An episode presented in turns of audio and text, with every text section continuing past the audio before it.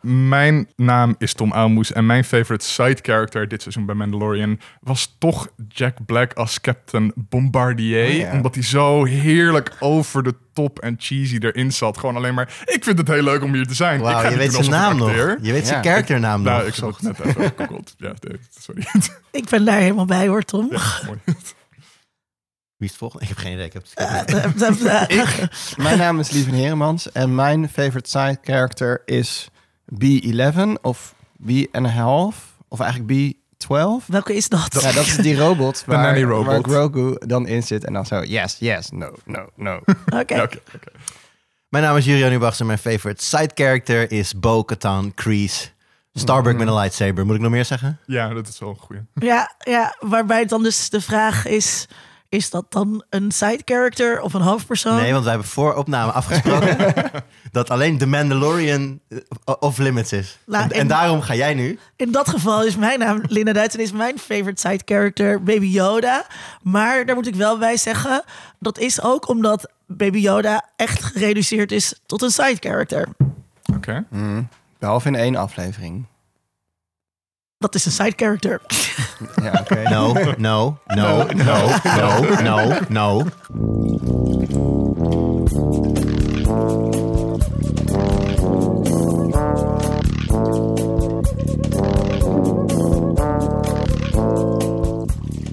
Ehm, oh ja, ik presenteer. Dat is heel soepel. Ik- het is heel We nemen dit vroeg op, joh. Misschien moet je voor de luisteraar even duidelijk maken dat het, dat op een heel gek tijdstip... Ik heb het hier ook nog nooit licht gezien binnen volgens mij. Ja, we nemen dit om tien uur s ochtends op, dus iedereen is super eh, in, in de war. In de light Ehm, side. Julian Ubachs is er weer, eh, die jullie misschien kennen van Met Nerds om tafel of van Tweakers. Ehm, alle game tips. Leuk dat je er bent. Ja, goede timing ook qua game tips. Ja, zeker. we zien er naar uit. En Lieve Heremans eh, is er weer, die jullie kennen van de podcast Kaas, waar hij nu een trui van aan heeft. Mhm. Of van allerlei andere podcasts die hij maakt voor andere mensen. Voor andere mensen. Wie wat bewaart is een leuke. Genomineerd voor de NTR Podcastprijs. Oh. Kijk Ja. eens, kijk eens. Over museumstukken. Een podcastkaas trouwens ook wel een goede brandname. Dan zou je, kunnen, kun je zelf kunnen ontwikkelen. De kaas voor bij het luisteren van je podcast. Maar ja. Podcastkaas. Ja? Ja, wel veel werk. Podcastkaas. Podcastkaas. Ehm, we gaan eh, zoals altijd eerst terugblikken. Jurian, wat heb jij voor ons? Ja, ik zei het al, hè. goede timing. Eh, vorige week is natuurlijk Star Wars Jedi Survivor uitgekomen. De opvolger van Jedi Fallen Order. Het verhaal van, Eindelijk. eh, verhaal van de eigenlijk net iets te gladde Hollywood boy Cal Kestis. Net niet, niet helemaal die, die, die perfecte Jedi, zeg maar. Maar eigenlijk of een te perfecte Jedi, dat is het meer. Eh, in het vorige game zagen we hoe hij eh, ontsnapte aan Order 66. En eh, nou ja, in eerste instantie een beetje, een beetje à la Kenobi.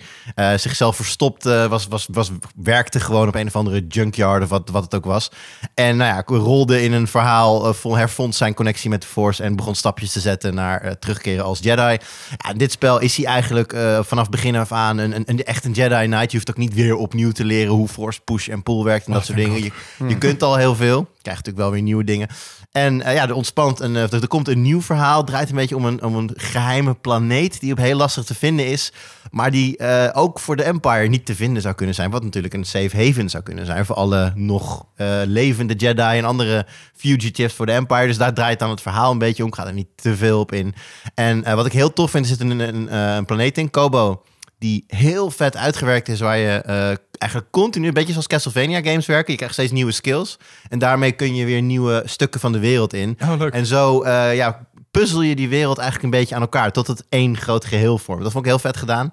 En ehm eh, Kel heeft een aantal nieuwe manieren om te vechten. En één daarvan is net zo over de top als vet voor Star Wars fans. Hij heeft nu ook de Kylo Blade met, eh, met de vlammetjes aan de zijkant, de Oh, cross sick. sword. en hij vecht, dat- die, die, die, eh, hij vecht dan ook net als Kylo. Dus net die, die zware, logge, maar harde klappen, weet je wel. Waarvan je weet van, nou ja, als de tegenstander sneller is, ben je kansloos. Maar als je raakt, dan raak je hem goed. Ja, dat is gewoon vet. En eh, puristen gaan hierover discussiëren, maar hij gebruikt ook een blaster. En dat is natuurlijk Jedi onwaardig, maar wel erg lekker in de game. Want het Ja, levert een hele ja. snelle dynamische vechtstijl op. Eh, ik ben er heel enthousiast over. zoals Je zit ook echt te kunt glimmen. horen. Ja, ik vind het heel tof. Maar Ja. Oh, oh. Het is een technisch barrel. Uh-oh. toen hij eh, uitkwam, inmiddels zijn we volgens mij al twee patches verder. Maar toen hij uitkwam, was hij op zowel consoles, eh, PlayStation 5 als Xbox Series X en S. En op PC echt wel ja, framerate problemen, crashes. Dat Hoe soort eh, grafische glitches. Inmiddels is er redelijk wat bijgespijkerd al. Zeker op console eh, zou ik zeggen, eh, wacht niet af, ga die game lekker spelen.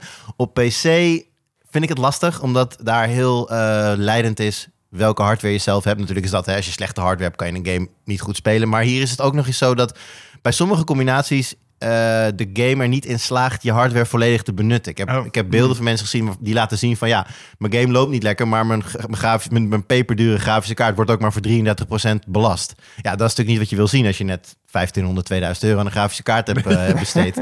Eh, dus daar, dat, is, dat heet optimalisatie om dat goed te doen. En dat ja, lijkt heel slecht. Je kan mazzel hebben. Bijvoorbeeld een aantal van onze testsystemen bij tweakers... die ja, laten eigenlijk gewoon prima prestaties zien. Mhm. Maar je kan ook heel veel pech hebben. En dan wat je ook doet, krijg je het gewoon niet lekker draaien. Dus dan op PC zou ik zeggen, geef het misschien nog even een paar weken per maanden.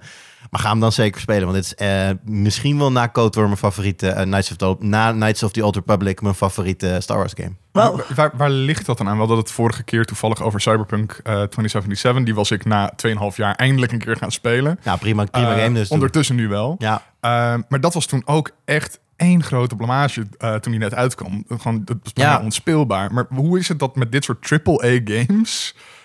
dat het dan toch niet lukt?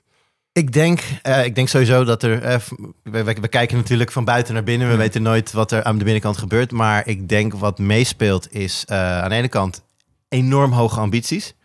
Eh, met in dit geval ook nog een tikje verouderde engine erbij. Ze werken met Unreal Engine 4. Terwijl een heel aantal studios al werken met Unreal Engine 5. De, de, de games die de komende twee jaar gaan komen, die werken al met een nieuwere versie van die engine. Dus daar zit misschien een limietje op. Waardoor ze gewoon net even iets te veel proberen met.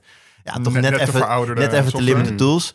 Ja, en aan de andere kant iets wat een voordeel is, wat uiteindelijk in een, als een nadeel uitpakt. Kijk, wij zijn allemaal, kijk even snel om me heen, nou liever misschien niet, maar allemaal oud genoeg om eh, de tijd mee te gaan maken dat je een spel kocht. En dat was het. Er was geen manier om daar een, s- een Ik snel... heb spellen in dozen gekocht. Oké, ik, nou, ben jonger, ik ben jonger dan Lieve, dus Ja. Oeh, sorry. sorry. ik weet dat ik zie eruit. Nee, maar anyway, anyway, het grote voordeel natuurlijk, hè, begin, eh, begin Zero's kwam natuurlijk een beetje dat hele eh, uitbreidingen via internet en patches. En eh, vanaf dat moment konden gamemakers ook eh, ehm, ja, eigenlijk tot de release dag blijven doorwerken aan de game. Je hoeft niet meer acht weken voordat de game uit is je, je, je code final te hebben. Je hebt gewoon nog een aantal weken. En daarin worden volgens mij meer vrijheden genomen dan dat daadwerkelijk de Mm. bedoeling zou moeten zijn. En het lijkt eigenlijk een beetje op dat hè, die, die, die extra tijd die op dag nul af zou moeten lopen, die loopt in werkelijkheid een maand na release af. Of Ja. eh, nat vingerwerk natuurlijk. Ik heb een beetje het idee dat het daarin zit. Zo van, ah, we gaan nog even door. We pushen nog een aantal, net, net even dingen die er nog net in kunnen. En dan gaan we nog dingen fixen. Ja, en dat past volgens mij net niet altijd helemaal in de, in de, ja, in de planning die er ligt. Volgens mij ligt daar ook wel een, eh, een dingetje. Ja, jammer. Had je nog, Jedi Survivor, had je nog een vraag? ja, had je nog een tweede ding? Ik heb echt heel veel Jedi Survivor gespeeld.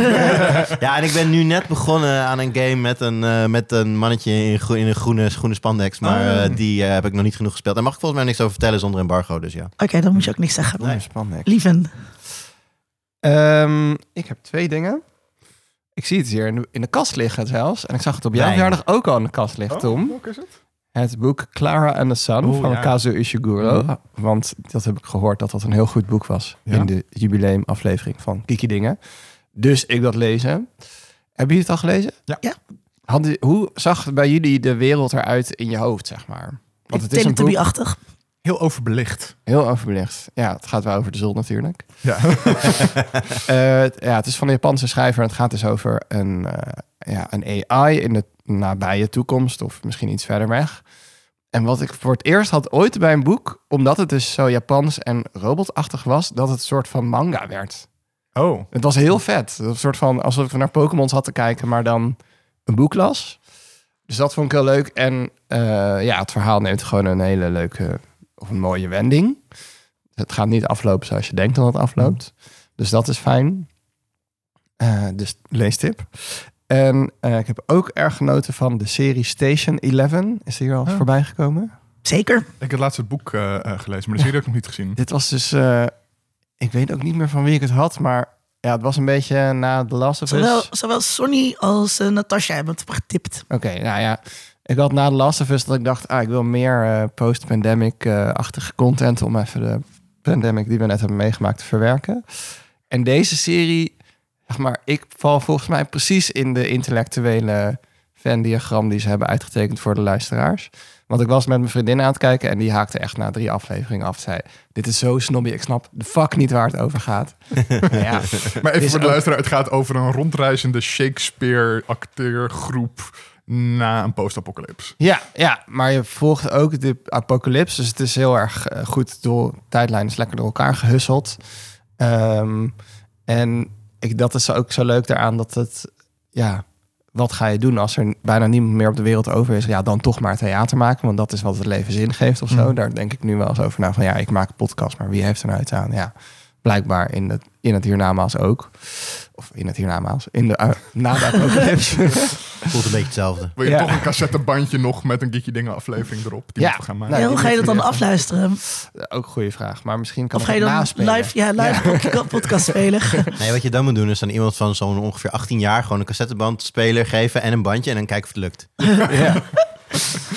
Waarschijnlijk Ehm, maar het is gewoon heel erg... eh, het is wel een beetje snobby inderdaad. Dus je moet wel een beetje goed opletten of er vrede mee hebben dat je niet altijd alles snapt. Maar daardoor vind ik het interessant blijven. En het is gewoon heel sick. Wat is de Ja, Venn-diagram waar je het net over, over had? Hoe ziet hij eruit? Ja, mensen die eh, eh, ja, een soort van aspiraties hebben om een beetje literair onderlegd te zijn of zo. Is het... eh laat Ja. het ergens op? Ja, dat is Ja, er dat één fan.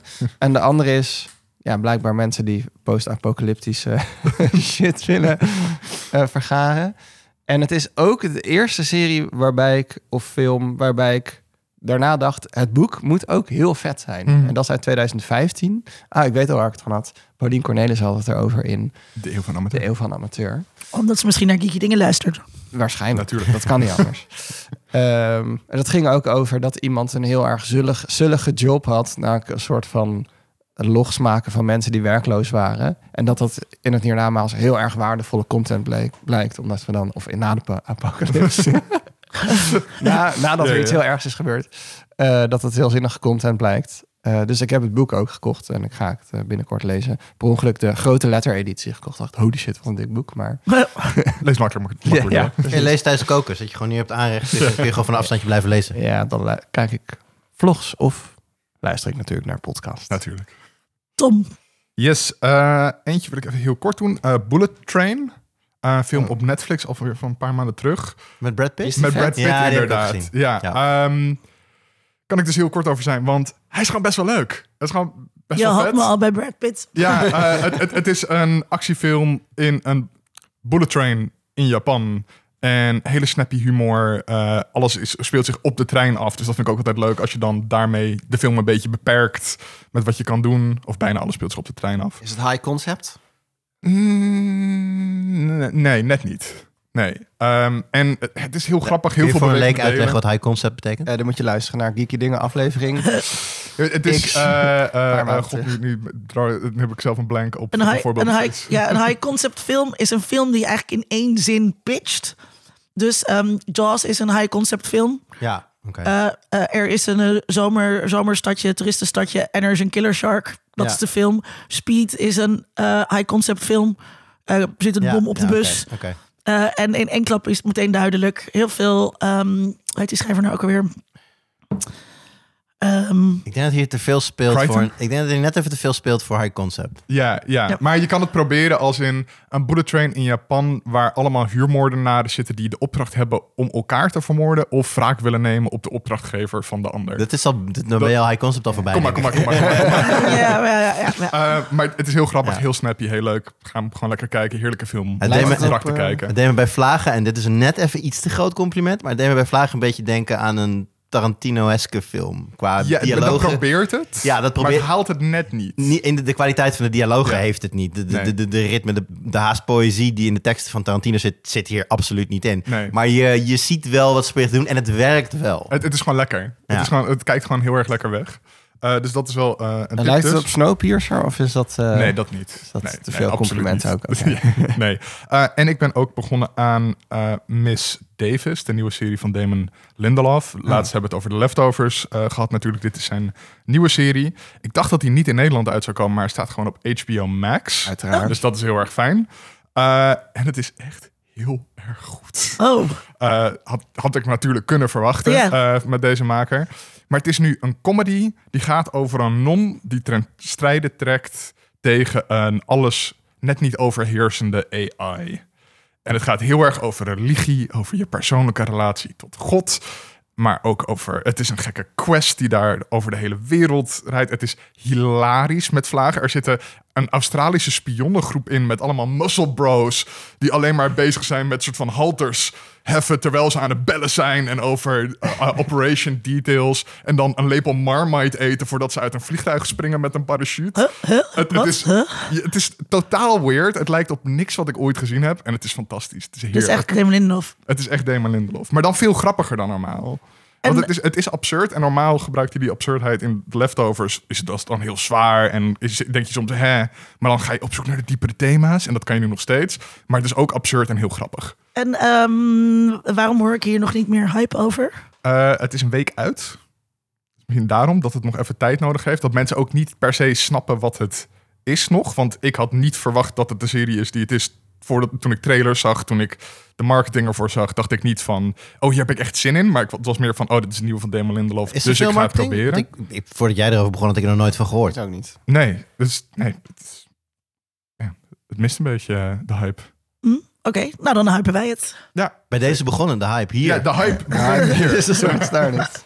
Maar het is echt heel leuk. Het is echt fantastisch. Cool. Ehm, ik ehm, ben al een tijdje aan het luisteren naar de podcast Bad Women, The Ripper Retold.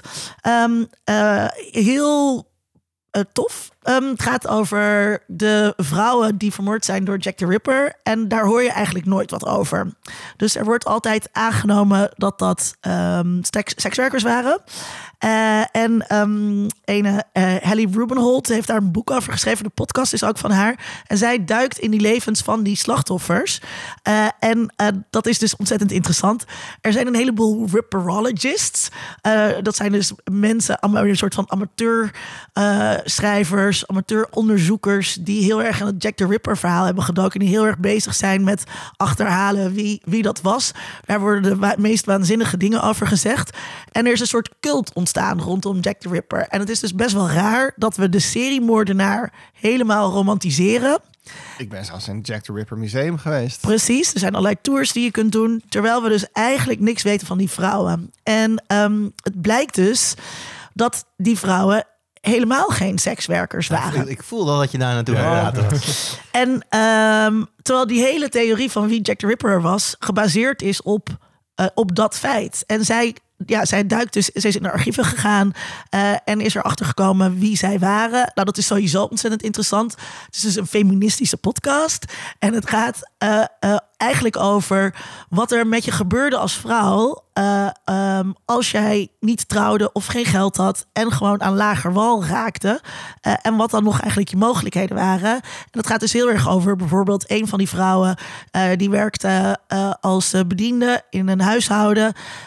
kreeg daar of een affaire of ehm, werd verkracht door een van die leden van die huishouding. Eh, die wou niet met haar trouwen. Dan heb je dus gewoon pech. Dan is het gewoon over en uit. En dan is je leven kapot. Eh, dus heel aangrijpend. Ik werd er ook heel boos over.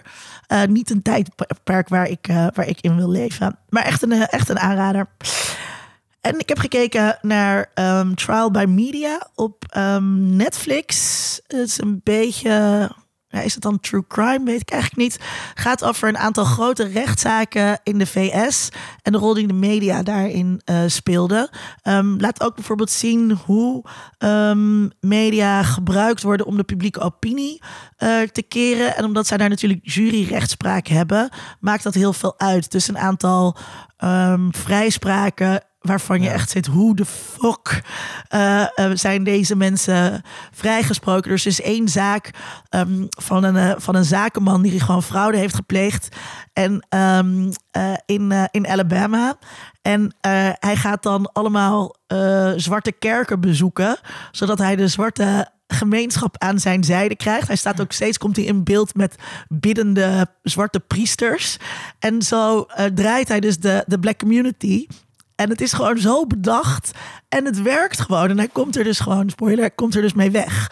Eh, en ehm, ja, die zaken zijn echt... ehm, ja, ook daar word je boos van. Trauma Media op Netflix. Nou, volgens mij kun je heel makkelijk boos worden om rechtszaken in Amerika zonder ooit ja. die serie te kijken. Ja. Toch die, hoe heet die, die, die, die zwemmer op dat, eh, die zwemmer op dat eh, college toen die eh, een van de aanrandingszaak werd, weg, werd weggedaan. Ja. Want hij was te belangrijk voor het zwemteam. Ja, Ja, dat, eh, dat soort dingen. Amerika. Ja, Ja. jury, juryrechtspraak is gewoon... Dat, Dat je is- zit er naar te kijken en je denkt, het is zo dom.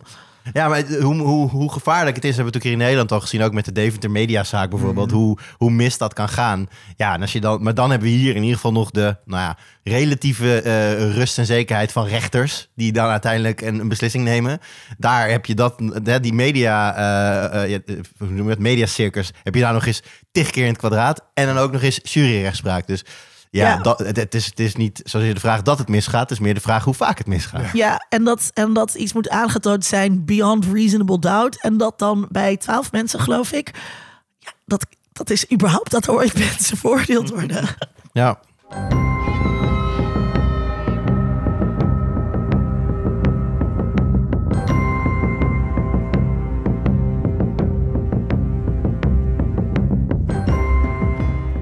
We gaan praten over The Mandalorian seizoen 3.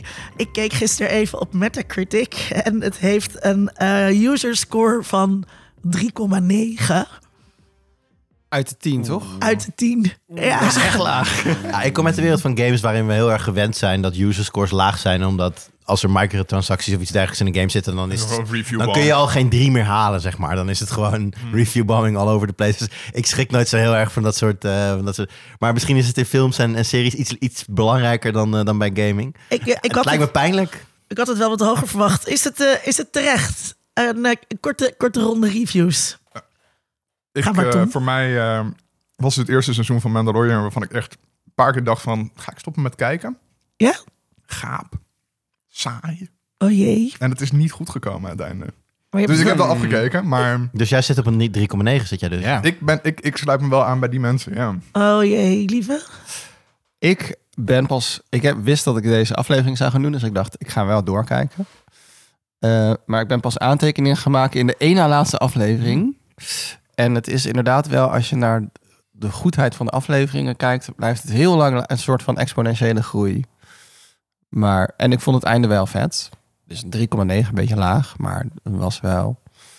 Je ziet een Ja. exponentiële groei in de vetheid van de afleveringen. Ja, ik vond het echt cooler worden naarmate de serie doorging.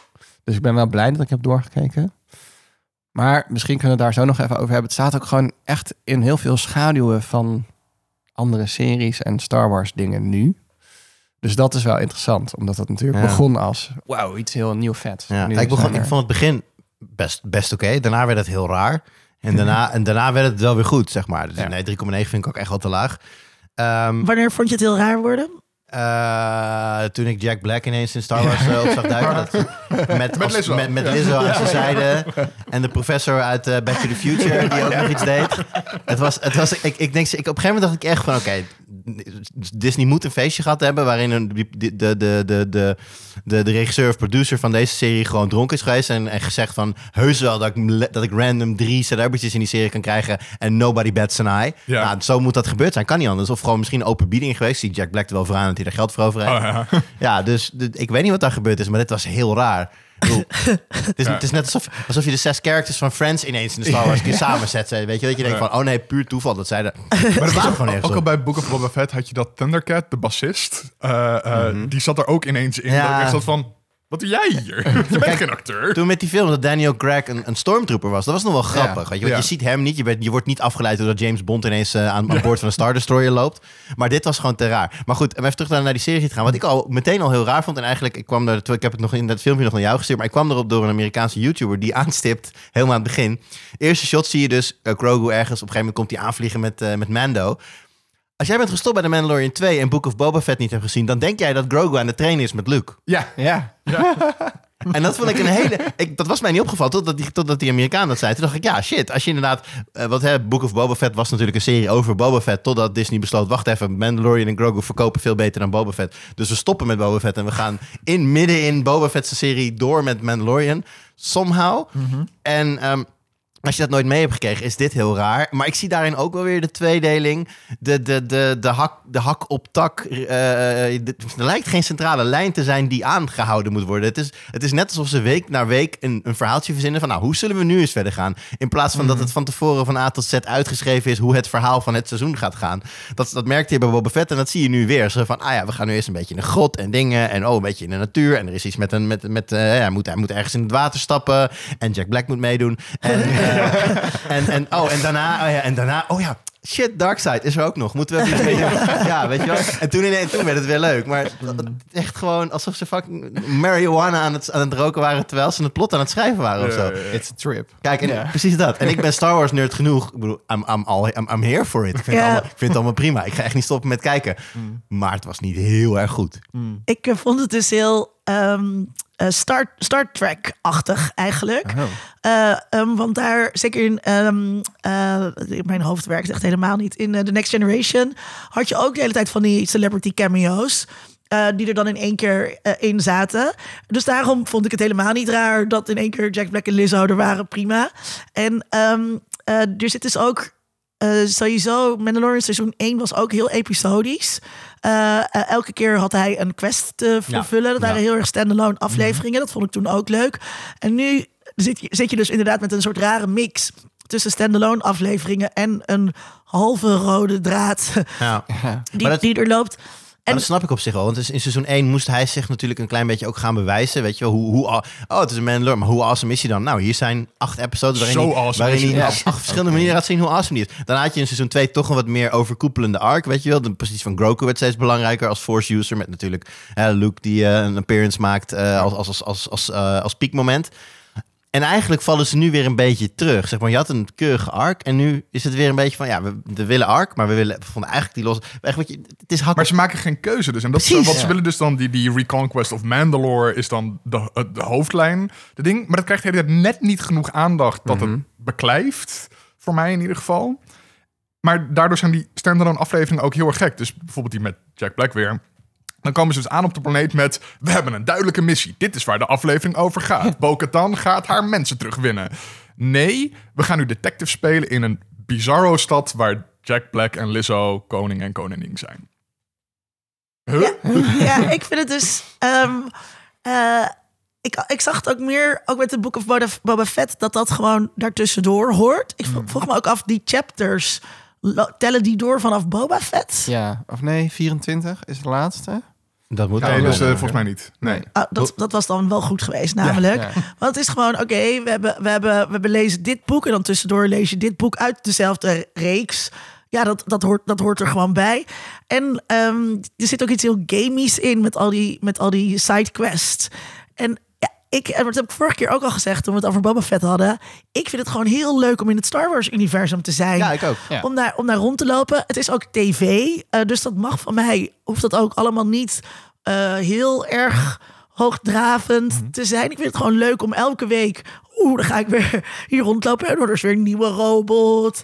En het maakt mij dus, dat maakt me allemaal niet zoveel, dat maakt me allemaal niet zoveel uit. Wat ik vervelender vond, was... ehm, ehm, Mandalore is helemaal opgehyped. eh, als een heel fantastische, heel bijzondere eh, planeet. Eh, meerdere planeten ook. Je hebt een hoofdplaneet en dan andere Ja, planeten die, er, maanden, nog naast. die, er- erbij horen. En nu zijn er wat 32 mensen. En die gaan dat allemaal opnieuw bevolken. En wat is er dan zo bijzonder aan? En waarom is nooit iemand eerder naar die service gevlogen om te zien wat is Omdat dan die giftig zou zijn, ja. toch? Maar Ja. ze hebben toch altijd helmen op? Ja, ze, Ja, maar dat, maar dat check je toch even een keer. aan de onderkant. Oh, oké. Dus al die mysterieën die er, mysteries die er rondom Mandalore waren, dat blijkt allemaal. Dat blijkt Ja, allemaal. het, is, het is wel gewoon, hij gaat naar het oppervlak en zit... Oh, cool. Dat kan. Het kan, het kan gewoon. En hoe ga je met die 32 mensen die planeet bevolken? En, en Ik kan je ja, wel vertellen hoe dat werkt hoor. eh, ja, maar heb je dan zoveel ruimte nodig? Eh, en hoe zit dat nou met dat Beskar? Is dat nou nog steeds schaars? Of is dat daar nog gewoon... Ja, ik vond dat was mijn grootste teleurstelling. Dat de Mandalore lore gewoon zo tegenvalt. Ehm, gaan er ook dingen goed? Ik niet naar Tom kijken. Nee, nee. Sla mij En even het, over. en het bleef stil. Nee, nou ja, kijk, we- het wordt al een aantal keer aangehaald. Sowieso, die laatste aflevering was natuurlijk... En de, de twee laatste afleveringen, is dat een soort van dubbel aflevering Mm. natuurlijk. Dat vond ik heel vet. Ik vind het, er zitten ook hele raar... Die kun je ook aan gort eh, praten als je dat wil. Maar waarom zou je dat willen? Dus eh, nee, ik, ik heb... Ja, want jij, jij hebt mij twee filmpjes gestuurd die ik heb gekeken. En toen ging wel... Toen was ik dus een stuk minder enthousiast. Maar ik wil gewoon helemaal niet op gewezen worden. Wat- wat- Nou ja, voor, de- voor ons, waar gaat het over? Eh, ik- eh, het heet ehm, eh, Pitch Meetings. Het is een serie, volgens mij, komt vanuit Screen Rant. En volgens mij heet hij Ryan George, die comedian. En hij beeldt, zeg maar, hij, doet zeg maar een gesprekje van een producer met iemand die dus een, een, een, een, een, eh, een, een script komt pitchen. Maar in het gesprek schieten ze dus allerlei gaten in dat script. Zo van bijvoorbeeld ook van, eh, van ja, en eh, Moff Gideon blijkt allemaal clones te hebben. En die vermoorden ze allemaal met één druk op de knop. Waarom heeft hij, een, een, waarom heeft hij een knop waarmee al zijn clones in één keer vermoord kunnen worden? Unclear, fair enough. Ja, dat is, dat is dan de humor. Ik vind het fantastische filmpjes. Maar Ja. door de humor heen... Zullen we hem even linken in de show notes? Ja, ik, ik, ik zoek de link. Ik heb hem al naar ik, je heb, hem- gestuurd. ja, ik heb de link. Maar eh, hij, door de humor heen maakt hij dus hele rake punten waarvan je denkt van ja, dat slaat inderdaad helemaal nergens op. Heel, heel veel dingen die heel convenient, eh, daar is hij heel goed in, in dat soort... Ja, dus eh, Moff Gideon ziet op de kaart waar Baby Yoda en Mendo zijn. Oh ja. Hij ziet ze gewoon aankomen lopen naar zijn ruimte met al die clones. Laat ze gewoon lopen. ja, wa- wacht tot ze het ze allemaal vermoord hebben, kom dan binnen. Jullie hebben mijn clones vermoord, verdorie. ja, en ik vond daar ook die, eh, die eh, rode ruiters, die eh, ehm, eh, pre- pre- pre- pre- Praetorian Guard, Guard. ja. Praetorian Guard, die super vet zijn in The Last Jedi. Mhm. En hier gewoon, Ze zijn er. ja, een heel makkelijk stuk gaan. Ja, het is, wel- het is wel een beetje gek dat zeg maar een volleerde, of twee volleerde Jedi met een nou, toch wel wat episch moeilijk gevecht zo'n zo'n team uit de weg ruimen. Maar eh, eh, Mando en zijn, en zijn kleuter Yoda, die, die, kunnen dat ook. Ja. Ja, en dan vervolgens is er dus dan eh, valt er een, een heel klein balkje op Baby Yoda. En die is dan helemaal eh, met heel veel moeite krijgt Baby Yoda dat balkje van zich af. Terwijl eerder eh, heeft hij ehm, eh, hem en eh Bo-Katan, eh, voor een enorme vuurzee Is dat niet daarna? beschermd. Ja, dat is daarna. Dat gebeurt daarna. Maar het punt, Oh ja, dat- ja, punt nog steeds ja, inderdaad, sorry. balkje lukt niet. Totale Star Destroyer lukt wel. Ja, makkie. Ja, dat... dat Ja, kan maar hij, is, natuurlijk ook hij, is, gewoon hij is naar- zo goed met de Ford. Hij weet precies wanneer hij op welke effort moet gaan doen. Ja, ja, is ja. gewoon, dat weten Ja. we allemaal. effort voor de kijker. En je kan natuurlijk met je jetpack gewoon naar de ruimte vliegen. Dat is echt heel handig. Dat is wel vet. Want je ruikt Ja. nooit uit brandstof. Wat dat in eerdere seizoenen toch een plotpunt is de hele tijd. Ja, en ook als ze die draak gaan vangen, is ook op een gegeven moment de jetpack fuel op. Ja, Terwijl het is echt moeilijker om omhoog te vliegen dan om... Ja, hangt een beetje af van de zwaartekracht natuurlijk, maar... Ja. Kwam allemaal wel heel goed uit. Maar dat vond ik, wat je vroeg van wat, wat ging er goed. Nou, dat vond ik, verzonnen ik vond op zich die, die, eh, zeg maar, als heel veel in die laatste twee afleveringen echt wel goed. Zat veel actie in. Nou, Darksaber, die natuurlijk zijn, zijn appearance ook maakt. Bo-Katan, die, de, nou, die echt wel de heldenrol eh, mag, mag spelen, ook voor een deel. Dus nee, dat vond ik, eh, vond ik heel vet. Ehm, ja, ik, ik, ik moet toch ook wel... Ik vind Baby, Grogu, Baby Yoda, Grogu... vind ik toch ook nog steeds wel toegevoegde waarde. Ik vond het leuk dat, ze- dat hij in, die- in die droid terechtkomt. Dat, hè, dat no, no, no, yes, yes, yes. Ja. Is, natuurlijk, is natuurlijk heel grappig. Komt communi- eh, communicatief ook wat meer dan tot zijn... Het zijn maar twee woorden, maar je, het, het verandert meteen heel veel Mhm. op dat moment. Ja, en ik vind toch dat die ene... Het, het is de slechtste en tegelijkertijd de grappigste scène... maar dat met dat, met die, met dat duel tegen die andere Mandalorian jongling... waar die dan drie keer overheen springt en Ja. dan heeft hij gewonnen. of Zo. Dat was heel slecht. En tegelijk had ik wel zoiets van... haha, die Mandalorian dude is echt heel slecht. En dat was één aflevering, toch? Nou, dat was ergens, ergens kwam het in terug. Dan moest hij, hij moest een duel vechten, maar hij was te jong. Maar toen had maar hij heeft natuurlijk de Force, hij zei... Ja, maar dus hij hij kan alles. Ja. Ja, en, en kennelijk als je in slow motion twee keer of drie keer over iemand heen springt... dan is diegene totaal gedisoriënteerd. En blijft hij stilstaan terwijl je drie pijltjes op zijn borst gooit. En dan heb je gewonnen. Vond jij dingen goed? Ik vond de jetpack troopers heel vet. Dat vond ik... Hoezo hebben die nu ineens Beskar? Ja. Nou ja, ja je moet, maar dat toch- waren het moet wel speciale steeds eviler worden. Ja, oké, dat is wel waar. En daarom vond ik dat ook vet. En eh, ja, die laatste twee afleveringen dacht ik wel van, oké, sick. Eh er gaan ook gewoon mensen dood. Ja, maar die werd wel heel erg getelefoneerd van tevoren. Ja, ga allemaal door het gat heen. Ik blijf hier staan. Toen wist ik ook van, oké, he gone. Ja, goed. Ja, maar ook John Favreau self-insert, dat, dat personage, hij doet die stem ook. Ja, en ik vond het wel he- door het hele seizoen heel vervelend dat hij dan de hele tijd... We weten bijna niks over die guy, hij heeft nauwelijks een persoonlijkheid. Maar dat hij de hele tijd zo'n centrale rol kreeg, dat Ja. ik wel van, oh god. Ja, Ja, eh, en ehm, ja, dat Moff Gideon kwam zo uit het niks, was ineens weer heel erg sterk. Toen dacht ik, ja, het is wel leuk voor het einde, maar het is niet heel goed opgebouwd of zo. Ehm, ja, Baby Yoda goed. Ehm, ja, die Mandalore, ik weet het niet. Het is gewoon, ik zat wel van, oh ja, er zijn gewoon veel meer verschillende soorten verhalen en groepen mensen in het Star Wars universum. Dus wat dat betreft, qua expansion van de universe, dat ging goed. Maar Had, had je een band met Mandalore voor dit? nee, ja, ik had eh, door Kenobi ging kijken naar eh, Rebels. En daar zit een beetje exposé in daarover. Dus dat wist ik, maar ik dacht niet van, oh, dit is eh, de vorige Coruscant of zo. Nou, en onder meer Knights of the Republic zit een, eh, eh, Oh, een, ja. een man, ook een Mandalorian. er komt, komt Mandalorian groepen tegen, zit een Mandalorian in. Of het is misschien twee, dat weet ik niet. Maar daardoor hoor je, nou, daar zit al heel veel achtergrondinformatie in over, Man- over, over Mandalore zelf, over de, de Mandalorian Wars. Dus ik had al, voor mij was het best wel een soort van iconische Hmm. locatie. Ik vond het ook heel vet dat ze daarheen gingen. Ehm, en ik, een van jullie zei net van dat, het, dat, het, hè, dat er werd gedaan alsof het iets, iets, iets magnifieks moest zijn, maar dat kwam er niet helemaal uit. Voor mij kwam het er dus wel uit, zeg maar. Die, die soort van shot van een beetje de- dat Minds of Moria-achtige shot, weet je wel. Die gigantische uitgestorven vlakte. En dan heb ik het laatste dus dan die forge weer gaan aansteken. Zo, dat, dat deed wel wat met me. Ik vond het wel echt heel vet. Ik ben ook wel heel benieuwd. Ik zie het ook eigenlijk wel als een soort van startpunt. Als, als ik, er gaat iets, iets, iets, iets gebeuren in de toekomst vanuit... Of ze gaan helemaal terug naar inderdaad de Mandalorian Wars... om die locatie hè, ook, ook voor, de, voor de film- en televisiekijkers nog wat meer uit te diepen. Of dit is het startpunt van Nieuw Mandalore of zo. Mm. Open world game, dat zou leuk Ah, zijn. of met gewoon een nieuwe, nieuwe serie, maar waarin, ze, de, waarin de, de, de 32 Mandaloriaantjes de, de, de planeet moeten gaan bevolken. Ja, want voor mij was het niet verder heel, heel bekend met de, de, de Mandalore daarachter. Eh, Mooi, eh, mooi gezegd. Ja, prachtig. Ehm eh, landde het dus, dus toch minder. En ik snap dat het voor andere mensen heel erg vet was. Maar ik had toch gehoopt dat ik daarmee iets meer in, aan de hand genomen werd in de serie. Anders dan het, Ja. werd veel geze- gezegd dat het belangrijk was. Maar ik had het toch.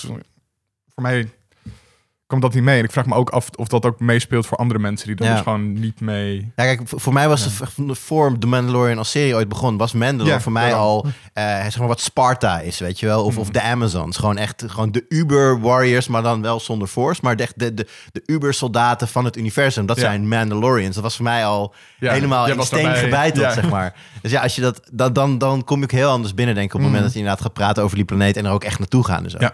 Ja, snap ik. Dat gekke zeemonster. Dat deed me nou weer niks.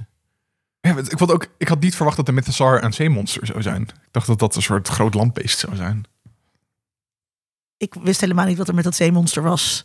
En hoe belangrijk dat was. Nou, dat is de mascotte. Ja. Ja, dat dat staat op het wapen. Ja. Ah. Ja, en eigenlijk zijn ze uitgestorven, maar, maar, maar dus niet. Ja. ja, en voor mij was dat dus een beetje een, een teleurstelling. Ehm, en ik heb toen... ehm, Esther Krabbedam heeft toen een aantal afleveringen eh, achter elkaar gezet van de Clone Wars.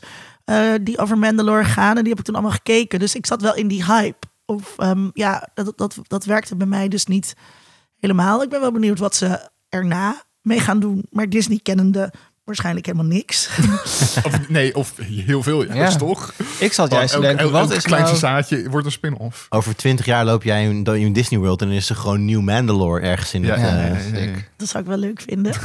Ehm, Maar wat is nou de doelgroep van deze serie? Iedereen die geld heeft. Ja. Ja, oké. Eh, het, eh, ik had opgeschreven, volgens mij kwam dat uit die pitch, eh, uit die pitch eh, video. We're Disney, watch everything we make or else. ja, ja, ik, ja, ik ben gewoon die zakker. Dat is, Ik ook. is Ja, gewoon- volgens mij zeiden we dat in de Boba Fett aflevering Ja. ook al. Maar ik zat wel ik iets meer na te denken van... overgeleverd aan, de, aan, de, Aan Disney. Aan, de- aan dit. Ja. Plak een Marvel of Star Wars op en ik kijk toch wel. Ja.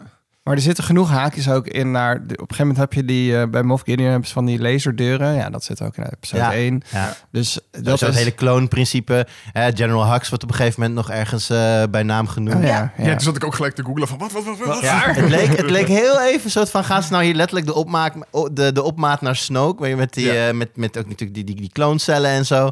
Ja, ik, ben, ik ben wel blij dat ze daar niet eh Ja, maar ze gingen er wel. Ja, Ja, want ze zeiden ook wel van iemand, dat iemand was bezig met dat project om de Emperor te klonen. ja die, eh, die scientist die nu in dat, eh, in dat eh, heropvoedingsprogramma zit... waar we Ja. ook nog één flart van gezien hebben en daarna niks meer. Dat een hele aflevering. raar. Want het Ja. was een hele leuke aflevering. ja. Ja, maar ik, ik heb zoiets van, geef het dan, maak dan een spin-off of zo. En dan heb ik weer nieuw, meer nieuwe series. Dat vind ik ook fijn. Ja, maar, nee, ik, ik zat er dus de hele tijd ook mee van, ja, wat heeft het met de rest te maken? Ik vond het dus Waarom heel, kijken we hier nu naar? Waarom is nu een één hele aflevering dit seizoen hierover gegaan? ik vond het dus heel eh Endor-achtig. ja. Ja, Omdat Maar- we dan weer ja. in een heel ander deel zijn. En oh, dit gebeurt er dus met, met, met dat soort mensen. Die moeten heropgevoed worden. En Ja. eh, dan is er weer een underground. En, maar eh, waar- waarom is dat een verhaal dat in dit seizoen van The Mandalorian verteld moest worden? omdat het tv is. En je dan dus zulke soort rare standalone afleveringen kan Eigenlijk was ze maken. nog contracten liggen met die gozer die die scientist speelt. Dus die moest nog eventjes een, Moest een- even moest nog een even de keel draven. Ja, Ja, maar dat vond ik dus... Ja, dat gebeurde in Star Trek ook de hele Hmm. tijd. Dat je dan weer... Waren ze weer op een hele rare andere planeet. Of dan ging het in één keer over, over een crewmember... wat we eigenlijk niet zo vaak zagen. Die kreeg dan een aflevering. Ja. Ik heb het idee als je die aflevering en die aflevering met Jack Black...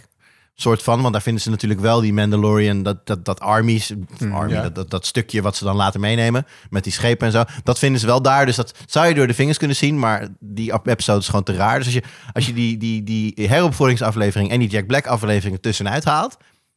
heb je in ieder geval een beter seizoen, denk ik. Een, een, een meer coherent Lopend, verhaal ja. in ieder geval. ja, eens. Is het niet ook gewoon lef dat ze dit proberen? Ja, maar, Daar kan je echt alles mee goed praten. ja. want ik zou het lef vinden als het goed zou zijn. Ja, maar er waren ook mensen op Twitter die die eh standalone afleveringen heel leuk en goed vonden. Ja, goed. eh, Ja, dat, Dus dat ze gewoon Ja. dingen proberen om te zien, oké, werkt dit? Ehm, nieuwe formats. Hoe kunnen we variëren met standalone, episodisch, niet, verhaallijn, de sidecar, ja. Nee? Je moet gewoon oefenen met tv maken, bedoel je? Nou ja, het is wel gewoon wat je ook ziet met Marvel. Die zijn ook aan het experiment, eh, experimenteren met tv. Kijk naar She-Hulk, waarin ze ook allerlei dingen uitproberen wat ze nooit in een film zouden doen. Eh, wat voor mij heel goed werkt. Ik vond She-Hulk heel erg leuk. Ehm, en dat kan op tv. Je kan daar gewoon meer risico's nemen. Ja, maar dan zou je toch, oh, oh, tenminste voor mij dan, eh, hopen dat er wat meer een idee achter zit. Over waarom je dat op deze manier aan het doen bent. En dat ontbrak voor mij in dit seizoen.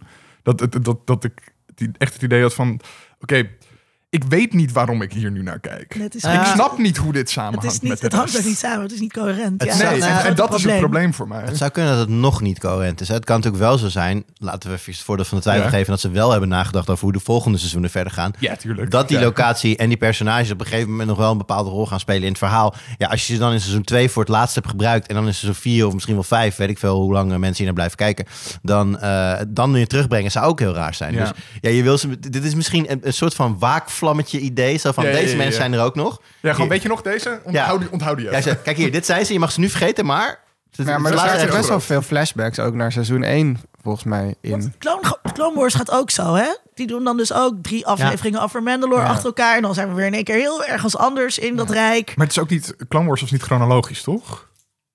Vraagteken van iemand die de serie nooit in één keer Ik heeft heb gekeken. Ja, Alleen same, alleen gekeken. losse afleveringen. Ja. Nou, beste luisteraar, als je luistert... Iemand zit waarschijnlijk nu naar zijn Help. koptelefoon te schreeuwen. Ja, maar je van, hebt daar "Het dus is zo." wel ook drie afleveringen die echt bij elkaar horen. Ja. Eh, en dan kijk je weer, kan je weer, Ja. daar kan je ook doorheen springen. Ja. Ja. Ja, ik vind dat dus niet zo erg. Maar goed. Ehm, Mando en Baby Yoda. Aan het begin, eh, seizoen 1, ging het heel erg over hun band. En hun samen zijn. Hij deed zelfs zijn helm af. Hoe ontwikkelt zich dat? Wat vinden jullie daarvan? Nou ja, gezegd hebben dat het natuurlijk raar is dat je, wat- ik zei, als je dus Boba Fett gemist hebt, dat je dus gemist hebt dat Grogu ooit heel emotioneel moest gaan kiezen tussen zijn training als Jedi of tussen zijn band met eh, zijn vader, laten we wel wezen. En dat, nou, dat is het startpunt van, eh, van seizoen 3 natuurlijk een beetje. En eh, Ja, hij wordt langzaam meer en meer zelf ook een Mandalorian, maar dan wel een Mandalorian plus, als in hij heeft force powers natuurlijk. En ja, ik weet ik vond, ik vond het wel leuk om te zien of zo. Hij, hij, hij mocht het meer op zijn eigen benen staan. We hebben een aantal dingen natuurlijk ook al genoemd. Hè. Dat duel wat hij dan uitvecht en wint tegen iemand die nou, ja, in ieder geval sneller kan lopen dan hij kan en wat groter is ook. Later dat hij natuurlijk eh, die, die robot om zich heen gebouwd krijgt, waarmee hij ja, niet heel veel nuttigs doet, maar nog net wel- maar meer kan communiceren en nog net iets meer in huis heeft dan dat hij zelf zou hebben. Ik vond dat wel, ik vond het wel een leuke lijn in zit op zich. Ja, eens. Helemaal mee eens. Het is, voor mij is elke keer Grogu... Dat is ook waarom ik dus blijf kijken wel. Van Grogu is gewoon... Laat hem me zien en ik ben gelukkig. Ja, is- echt zo, oh, deze serie valt eigenlijk best wel tegen. Hey, Baby Yoda! Ja, dat is wel. Zo, zo houden ze me er wel in. Ik wil het gewoon ja, fantastisch. En alles Ja. wat hij doet, zit ik alleen maar... Ja, en het, en het eindigt natuurlijk wel met het mooiste moment, denk ik, tot nu toe tussen die twee. Namelijk dat hij hem adopteert. Ja, Volgens de regels van de Mandalorian Law. This is Ja. the way. dat, dat hij echt vader wordt, nu officieel. Hij is dus nu ook Din Grogu. Ja, Ja. Wat al iets beter is dan Grogu. ja. Din Grogu. vooruitgang. Ik vind het dus leuk hoe eh, Mando hem echt aan het trainen is. En eh, hem leert communiceren, zeg maar. Zo, zo pak je een aanval, eh, een Ja. aanval aan. Ik vond het wel raar dat hij best wel vaak gewoon alleen werd gelaten. En hij lijkt helemaal niet meer zo precious te zijn als dat hij in seizoen 1 was. Alleen gelaten of achtergelaten, zo van wat wij nu gaan doen is heel gevaarlijk, dus jij blijft even hier. Ja. Ja, maar wie wat soort wij van die Lizzo? ja, maar Lizzo is hartstikke eh, fan van hem. Toch? Ja, maar dat had Moff Gideon ook kunnen zijn. Maar, maar Grogu heeft de Force, die heeft al lang aangevoeld dat Lizzo gewoon good people is. Ja. En dan keert hij weer zo'n beetje.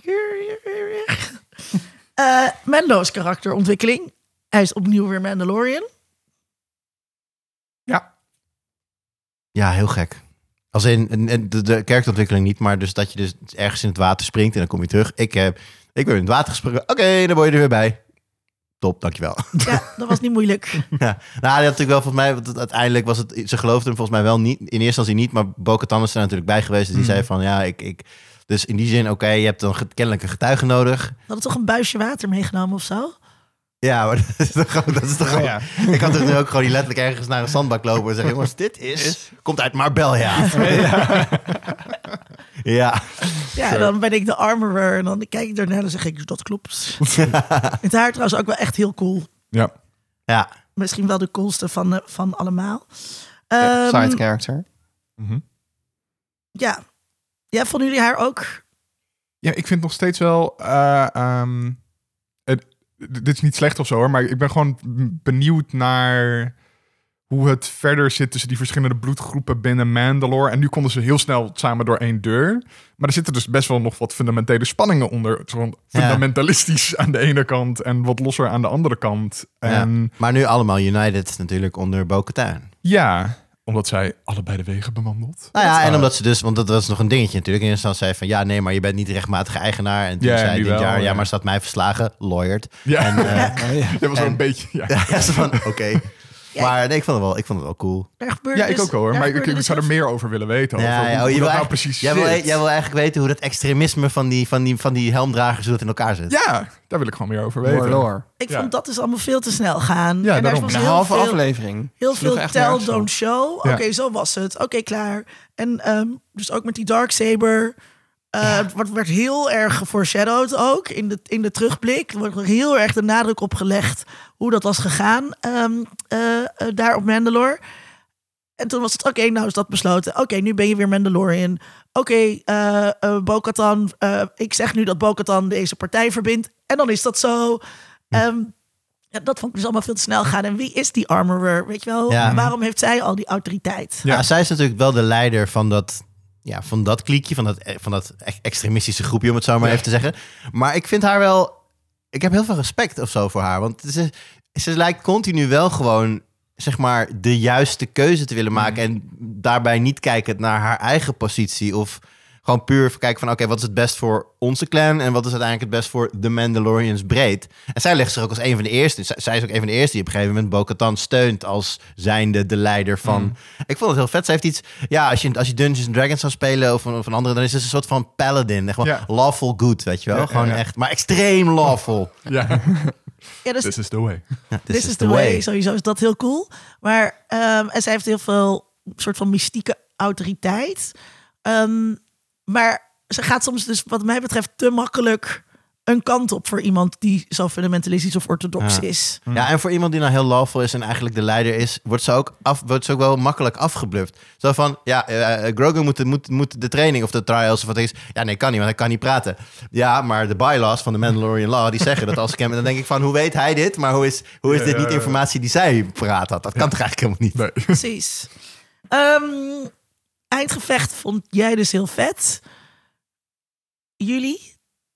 Ik ook, maar ik denk niet dat Moff Gideon dood is. Wel handig dat je dat sterrenschip precies daar neer kan laten storten natuurlijk. Ik vond die gozer die dat deed, was echt heel knap. En dat je ook nog zo vlak voor impact zo lekker zo eruit jetpack. ja, ja, ja. Terwijl volgens mij de force en de, de, de, de, de- letterlijk de, de, de, de, de trekkracht van dat ding dat naar beneden gaat en de lucht die ermee gezogen wordt, volgens mij kan dat helemaal niet. Nee, Maar- maar, hij kon eerst al naar boven vliegen, hè? Ja, dat is Dus wel waar. Op zich. Ik vind het dus ook heel raar dat je blijkbaar in je eentje ook zo'n ding kan besturen. Ja, met Ja, de computer. Ja. Maar waar heb je dan al die andere crew voor nodig? Eh, de knopje van de escape. Ik kan, ik, kan in, ik kan in games kan ik ook zo'n heel ding gewoon met een controller besturen. Dus ja, dat kan hij vast ook wel. Ja, ehm, sorry, jij was wat aan het zeggen. Ik denk niet dat Moff Gideon dood is, want hij heeft Beskar armor aan. Mm. En dat kan heel goed tegen vuur. Dat zou ik dan Maar ook, weer maar, ook weer niet goed, maar ook weer niet goed genoeg. Want waarom moest Grogu dan eh, Ja, de- dat die, for, klopt. die force field eh, doen voor Bo-Katan en Din. Djarin? En ze zijn de hele tijd met vuur zo op hun arm zo aan het schieten Mm. tegen iedereen. Ja. Dus het smelt blijkbaar toch. ja, het kan niet smelten, maar het smelt wel. Ja. Mhm. Sowieso is Moff Gideon niet dood. Ja, maar dat vind ik dan weer... Dat is dan al de tweede keer dat het... Hij is dood. Oh, wacht, nee, toch niet? Ja, ja. Ja, dat vind ik, ja kom op. Ja, maar Team Rocket wordt ook elke keer Ja. de lucht in Ja. Elke keer weer terug. Ja, true. Ehm maar mag mag wel een keertje andere film, toch? Maar we hebben nu gewoon die hele cast met andere soort van imperial generaals en admiraals en weet ik veel wat. Laat, kies daar eentje van om de volgende film te zijn. Ja, toch? In Endor hebben ze laten zien dat de Empire ook gewoon een onderklasse heeft. En daar kunnen Ja. mensen ook carrière maken. Dat Ja. kan hier dan toch ook? Ja. Geef de volwassen kijkers ook eens iets. Ja, of misschien zijn superiors. Ik bedoel, er Ja. zijn natuurlijk in deze fase nogal wat mensen die boven Moff Gideon zouden staan. Dus Ja. wellicht wordt hij ook een keer gewoon... En zien we dan een CGI van deze of gene weer voorbij komen. Ja. Dat heb ik ook al vaker gezien. Dus. Maar hij is wel een goede acteur natuurlijk. Ja, natuurlijk. Ik zou het ook wel in die zin ook wel jammer vinden. Maar st- stel, we gaan nu, stel, we gaan nu naar seizoen 4 en je hoort er verder niks meer van. En op een gegeven moment wordt terloops een keer gezegd, ja, het is natuurlijk dood. En dan, maar je ziet, Ja. en hij komt nu niet meer terug. Dat zou ook raar zijn. Het is, dan voelt het heel onbevredigend of zo. Ik ben, Ja. ik, ja, het- in, in Star Wars moet je gewoon in vier stukken gehakt worden voordat ik geloof dat je er echt niet meer bent. En zelfs dan, want Darth Maul was ook niet dood. Dus Nee. Nee. Nee, iedereen moet altijd weer terugkomen. En anders kloon je hem weer, want er waren al clones van hem. Dus dat kan ook Ja, weer misschien- één cloon het nog wel ja, overleefd we, hadden, we hadden er nog veel meer op een andere locatie. Ja, ja, ja.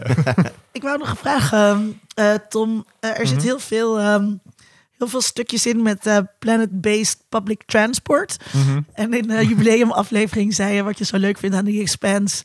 Is het, Infrastructuur. ja, werd je, hier, werd je hier ook warm van? Nee, want het zijn hyperloops en hyperloops zijn dom. Helemaal niks Oh ja, ik dacht nog toen ik dat zag, omdat het een hyperloop was, dacht ik van, oh, Musk heeft dit gesponsord. Ja, dacht Kan ik niet ook. anders. Ja, dacht ik. Ja. Ja, maar ze gaan ook heel snel en heel hard. En zo. Ja. Er wordt op een gegeven moment ook iets gezegd van, ja, we kunnen heel veel, als ze heel veel snelheid, of van, ja, we kunnen heel snel naar daar of zo. Er werd, er werd terloops een opmerking gemaakt over hoe fantastisch die transport. Ja, en dat ze worden ook hyperloops genoemd. Ja, dus dat- van- ik dacht echt van, van eh, product placement XXXL dit gewoon. Metro's zijn prima, doe normaal. Of je kan met je piratenschip gaan natuurlijk Oh, gaan dat dus het allerergste. Daar hebben we het nog helemaal niet over gehad. Oh, nee. Over die piraten. Oh ja, die Waarbij waren er ook gewoon nog. eh, letterlijk Pirates of the Caribbean, die, die man... David Jones. David Jones. Hij had gewoon echt zeewier op zijn hoofd. Ja, Ja, maar dat is allemaal de Disney IP, dus dat is geen probleem. Ja, maar Ja, dit ja. was dit, dit, dat... Ah. Ik kan net niet een van die gasten zo aan een touw naar beneden geslingerd. Dat hadden we helemaal afgemaakt. Ja, ze gingen ook echt enteren en zo. Het was gewoon... En daar was het ook weer, en dat is natuurlijk ook wel met de Mandalorians, zeiden we al, ja, dat zijn dat 32 man op die planeet of zo. En dan was op een gegeven moment dat die, die gouverneur, die ging dan met zijn mensen, oh, we wandelen de stad uit, want we moeten Ja. ons verlaten. En dat is ook weer, dan staat hij daar voor zijn hele dorp, en dat zijn 20 man, staat er dan in die woestijn. Dat ik echt, Oh ja. is dit, wat? Wat is dit? Nee, dat is de elite. Oké. De rest doet gewoon Vond ik heel gek. De rest is aan het werk in de mijnen. Ja. Die zijn er niet overdag. En die zie je niet op camera. Terwijl er eh, op, eh, hoe heet die planeet Plezier 12, Ja. eh, wel weer heel veel mensen waren. Ja. Deed me denken aan die gekke casino-planeet. waar we toen Oh, in de films, Cantle Bite. Ja. dat was een beetje diezelfde vibe. Weet je, alles Ja. lavish, alles veel te luxe. Ja, ja. Alles... Ik, dacht ook, ik dacht ook iets van.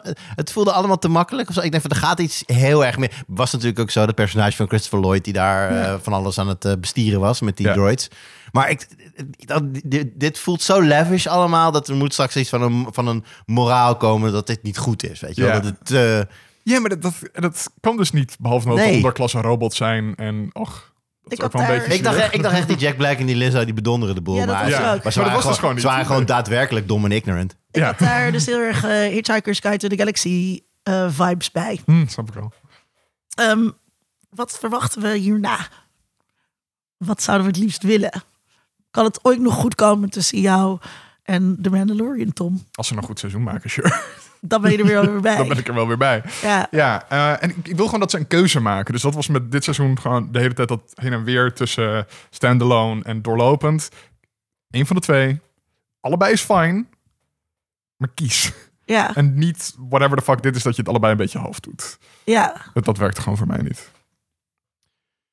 Ja, laat Pedro Pascal een, eh, een wat minder oud karakter begeleiden en ik ben erbij. Altijd. Jij, lieve? Ja, ik denk wel doelgroep-wise dat het dus wel... Je zet die Grogu zo jong neer dat hij dus heel lang kan doorgroeien. En dat je dus forever dit kan blijven kijken. Ehm, Misschien groeit hij wel over de Mandalorian heen. Dat zou echt sick zijn. Ja, dat gewoon op een gegeven moment Dat hij heel groot Din. Djarin er niet meer is, maar dat hij gewoon doorgaat. Ja, dus Als hij dan de Mandalorian wordt, hij wordt ooit voltraind, zeg maar. Ik, ik zit echt nog steeds te wachten op het moment dat hij een helmpje krijgt. Ja. Right? Met en dat hij met de oortjes eruit. fantastisch. Metalen oortjes. Dan kan je ze, Ja, ze niet bewegen. Nee, kan je ze niet meer bewegen, niet dat werkt niet. Want hij krijgt nu een soort slappetje. Ja. Wauw, dit is echt... Dit is, dit, Beskar is nog nooit zo weggezet. Slapje. Dus er zijn nu allemaal jonge vaders. Die kijken dan naar Pedro Pascal met een kind. Nou, die kinderen die kijken dat dan ook van jongs af aan. Maar dit is echt, Dus- dit, dit kan je niet kijken als je, als je zes bent of zo, denk Nee. ik. Nee, maar je kijkt als je zes bent alles de hele tijd opnieuw. En dan later nog een keer. Toch? Disney, Disney zet gewoon in op die 100 jaar IP-rechten die ze Hmm. eerst hadden met eh, Mickey Mouse, maar dan nu met Star Wars. Ja. Dat lijkt me een Dus slimme als je, als je, als je, je hebt natuurlijk wel gewoon kinderen die nu een knuffel hebben van Grogu, omdat de ouders het gewoon heel erg leuk Ja. vinden. Ja. En ja, dan groei je dus al wel op met Star Wars dingen om je heen. Ik ben helemaal vergeten mijn Mandalorian t-shirt aan te trekken, Oh. bedenk ik. eh, bedenk Jammer ik voor onze kijkers. Staat daar wel, Ja. is dat een kaartspel? Wat is dat? Oh, dat is een, eh, dat is een doos waar sokken in zaten die ik had gekregen. Wat cool. Van Groene iemand. doos. Het met is een hele mooie doos. Ik snap dat je die houdt. Ik Ja. heb wel Grogu sokken aan trouwens. Ja, had je die niet van mij gekregen? Ja, zeker. Ehm, eh, ik, eh, En ik wil graag dat er een fucking videogame komt. Van de Mandalorian. Als je het dan zo episodisch maakt, laat me dat gewoon spelen. Want die laatste afleveringen, dat was wel echt een game. Het was echt gewoon, nu moet je dit doen, nu moet je dat doen, nu moet je naar deze ruimte, je moet dit obstakel overwinnen, nu moet je dit gevechtje, eindgevecht, klaar. Ja, nou, prima game. Ja. Zei de game reviewer. Ja. Eh, ik ben overal bij. Het maakt mij allemaal, het maakt mij allemaal niks uit. Ik zou wel gewoon, ik, ik, ik wil meer Baby Yoda. Ik vond hem dus nu te, te side character. Dat eh, het, deze serie hoort te gaan. Nee, de serie heet The. Mandalorian. Ja. Ja, maar, Zo, tot- hij tot- is nu ook Mandalorian, Nee, toch? ja, nou, nog niet. Nog, hij is, Hij is hij, gewoon hij is in oh ja, hij training. is in training. oh ja. maar dat is wel wat het dus Hij is uiteindelijk nu wel een officiële jongling, of hoe die ook heette dan Ja, bij de... Foundling. Foundling, ja. Ja. Ja, maar dus uiteindelijk toch, hij moet gewoon de Mandalorian worden. Dat, Ja. dat Mando er niet meer is. Dit wordt uiteindelijk Succession. Oeh. Ja. Dat zou echt heel sick zijn. Ja. Brian De laatste Cox met zo'n aflevering van Mandalorian helm op. In a world. In a world. World. World. World. in a world. Hebben we zin in dingen? Oeh, mag dat alles zijn? Mag alles zijn. Nou ja, nog eh, een, eh, iets meer dan een week en dan eh, ligt eh, The Legend of Zelda Tears of the Kingdom in de, wi- in de Oh. winkel. En daar heb ik zin jij in. hebt hem dus al gespeeld, zag ik op Tweakers. Een Ik deel, heb sowieso al gepreviewd. daarvoor waren we op locatie. En Dat Groen was, mannetje in een spandex pakje? Groen, groen mannetje in een spandexpakje. En eh, daar waren we op locatie. En dan wordt je handje heel erg vastgehouden. En dan zeggen ze letterlijk van... Je mag, nou dat, je mag dat doen en dat doen. En deze knop drukken. En, Oh, en dan is het klaar. echt? Dat was, Oh, dat was een uurtje. nu heb ik gewoon de hele versie op mijn Switch staan. En ga ik hem van A tot Z uitspelen. Daar heb ik zin in. Het duurt lang, toch? Of niet? Eh, ja, ik ga ervan uit dat dat wel... Dat houdt me wel een uur 40 van de straat op zijn minst, denk ik. Ja, als je betaald wordt. Ook Ja, wel- ja, ja. ook- oh, er zijn heel veel gamers die niet betaald Ja. worden. En die dit gewoon gaan doen, hoor. Dat Ja. je wel vertellen. Eh, Nee, ik ken 100% ook ga ik iemand die er heel erg naar uitkijkt. Ehm, ik had opgeschreven dat ik uitkijk naar Jedi Survivor. Morgen is het 4th. Ik dacht, hopelijk Ja. hebben ze dan een soort korting, maar dat zal niet als vorige week Hij was, al, hij was al 10% in de aanbieding ergens, Ja, zag nee. ik. Als je met IE geld koopt. Oh, lame. Ja. Eh, dus dat, geld, dat geld wat je later krijgt als je extra betaalt. Ja. Ja. Ehm, en ik kijk uit naar de Barbie film. Wanneer komt die? Ja, dat weet ik eigenlijk Ergens niet. in juni. Ik weet dat eh, op, het, op dezelfde dag als Oppenheimer. Zitten we trouwens niet Dus nu ongeveer in de release window van, de- van Guardians? Ja, die komt eh, eh, deze week komt die uit. Ja. Vijf, 5 mei volgens Oh, daar mij. kijk ik, daar, Linda, Ja. daar kijk ik ook nog naar uit. Naar Guardians 3. Oké. Waarom? Eh, wa- waarom ik daar naar uitkijk? Ja. Omdat het Marvel is. Fair. En ook alweer gewoon big, big Marvel. Weet je, met Disney Plus hebben we nu ook de, best wel Marvel. small Marvel dingetjes. Ja. She-Hulk heb ik bijvoorbeeld nog niet gekeken. Maar eh, ja, dit is natuurlijk wel weer gewoon een beetje de, de, de officiële face voor van de MCU. En daar, daar ben ik bij. Maar goed, Barbie film, Noah Baumbach. Waarom kijk je naar Barbie uit? Ja, ik had dus eh, White Noise gezien ergens eh, met op eh, brak op. eh, Wat heeft doet Baumbach hem? Ja. Dat is Greta Gerwig, toch? nee, volgens mij zit hij erin. Want ik hoorde namelijk een interview met hem over scriptwriting. En toen zat hij op een undisclosed location. En dat was volgens mij de Barbie Ja, misschien dat hij nog geschreven heeft. recording location. En volgende week ontknoping van De Mol. De echte mol. De echte, de, de, de- Nederlandse mol. De, Vlaamse. Bram de Wijs zei volgens mij laatst in zijn vlogs van... Ja, de Nederlandse Wie is de Mol, als je dan niet... Nu kan je door de live shows zien wie er allemaal naar kijken. En dan distancieer je je toch een beetje van al die superfans. Toen dacht ik, ja, ik ben wel inderdaad daarvan afgestapt en een echte molkijker geworden. Ik eh, ben blij dat ik geen verkering meer heb met een molkijker. Want ik vond het Mijn helemaal niet mee. leuk Insane. dat ik dat moest kijken eh, altijd. Ehm, Tom, waar kijk jij naar uit? Eh, ik heb heel veel zin in een film die volgende maand uitkomt. Eh, en dat is eh, Spider-Man ehm, niet Into the Spider-Verse, maar Across the Spider-Verse. Oh, ja. Dus de sequel op die film. En dat was echt een van de beste animatiefilms die ik ooit in mijn hele leven gezien Dat is heb. nog steeds mijn favoriete Spider-Man film. Ja, Same. echt heel goed. Eh, en het vervolg komt op daaraan. En dat, ja, hype. Daar ben ik ook bij. Ik vond het ook Ja. echt heel erg tof en superleuk gedaan. En eh, heel vet. Ja, al ben ik, ben ik wel bang dat nu het verrassingseffect er niet meer is. Ja, dat Of meer dan nog steeds net zo goed. Dit was echt op allerlei manieren werd je echt weggeblazen als Ja. kijker. In stijl en, en ideeën. En het lijkt me echt heel moeilijk om daar een opvolger van te Ja. maken. Dat is altijd met dit soort dingen. Ja. ja, ja. Maar we gaan het zien. Ja. Ik kijk uit om te gaan kijken naar eh, Diplomat op ehm, Netflix. S- ja, serie over een, internationale crisis, diplomaat, dat soort dingen allemaal. Met ehm, Carrie Russell. En eh, zij zat in The Americans. En The Americans was echt een hele, hele toffe serie over twee spionnen. Mhm. Eh, die twee Russische spionnen die al als getrouwd stel in Amerika woonden en kinderen hadden en zo. En dat was zo'n serie die met de seizoenen beter werd, wat bijna nooit gebeurt. Ehm, en eh, dus ik heb haar hoog zitten en zelf de producers, dus ik ben heel benieuwd hiernaar. Dit was aflevering 118 van Geeky Dingen. Ehm, word vriend van de show en dan kan je naar onze bonus content luisteren. Eh, en je hebt de aflevering een paar dagen eerder dan de rest. Dat kan ook via Patreon. Zoals altijd dank aan onze vaste steun Rona Bosman. Heel veel dank Juriaan en Lieve dat jullie er waren. Ook This is the way. This is the way. This, is the way. Ehm, ook heel veel dank aan jou, eh, Tom. Heel veel dank aan jou, Linda. May the force be with you. Volgende keer gaan we het hebben over Scream. Ah! Wat zijn wij voorspelbaar? Oh, sorry, kat.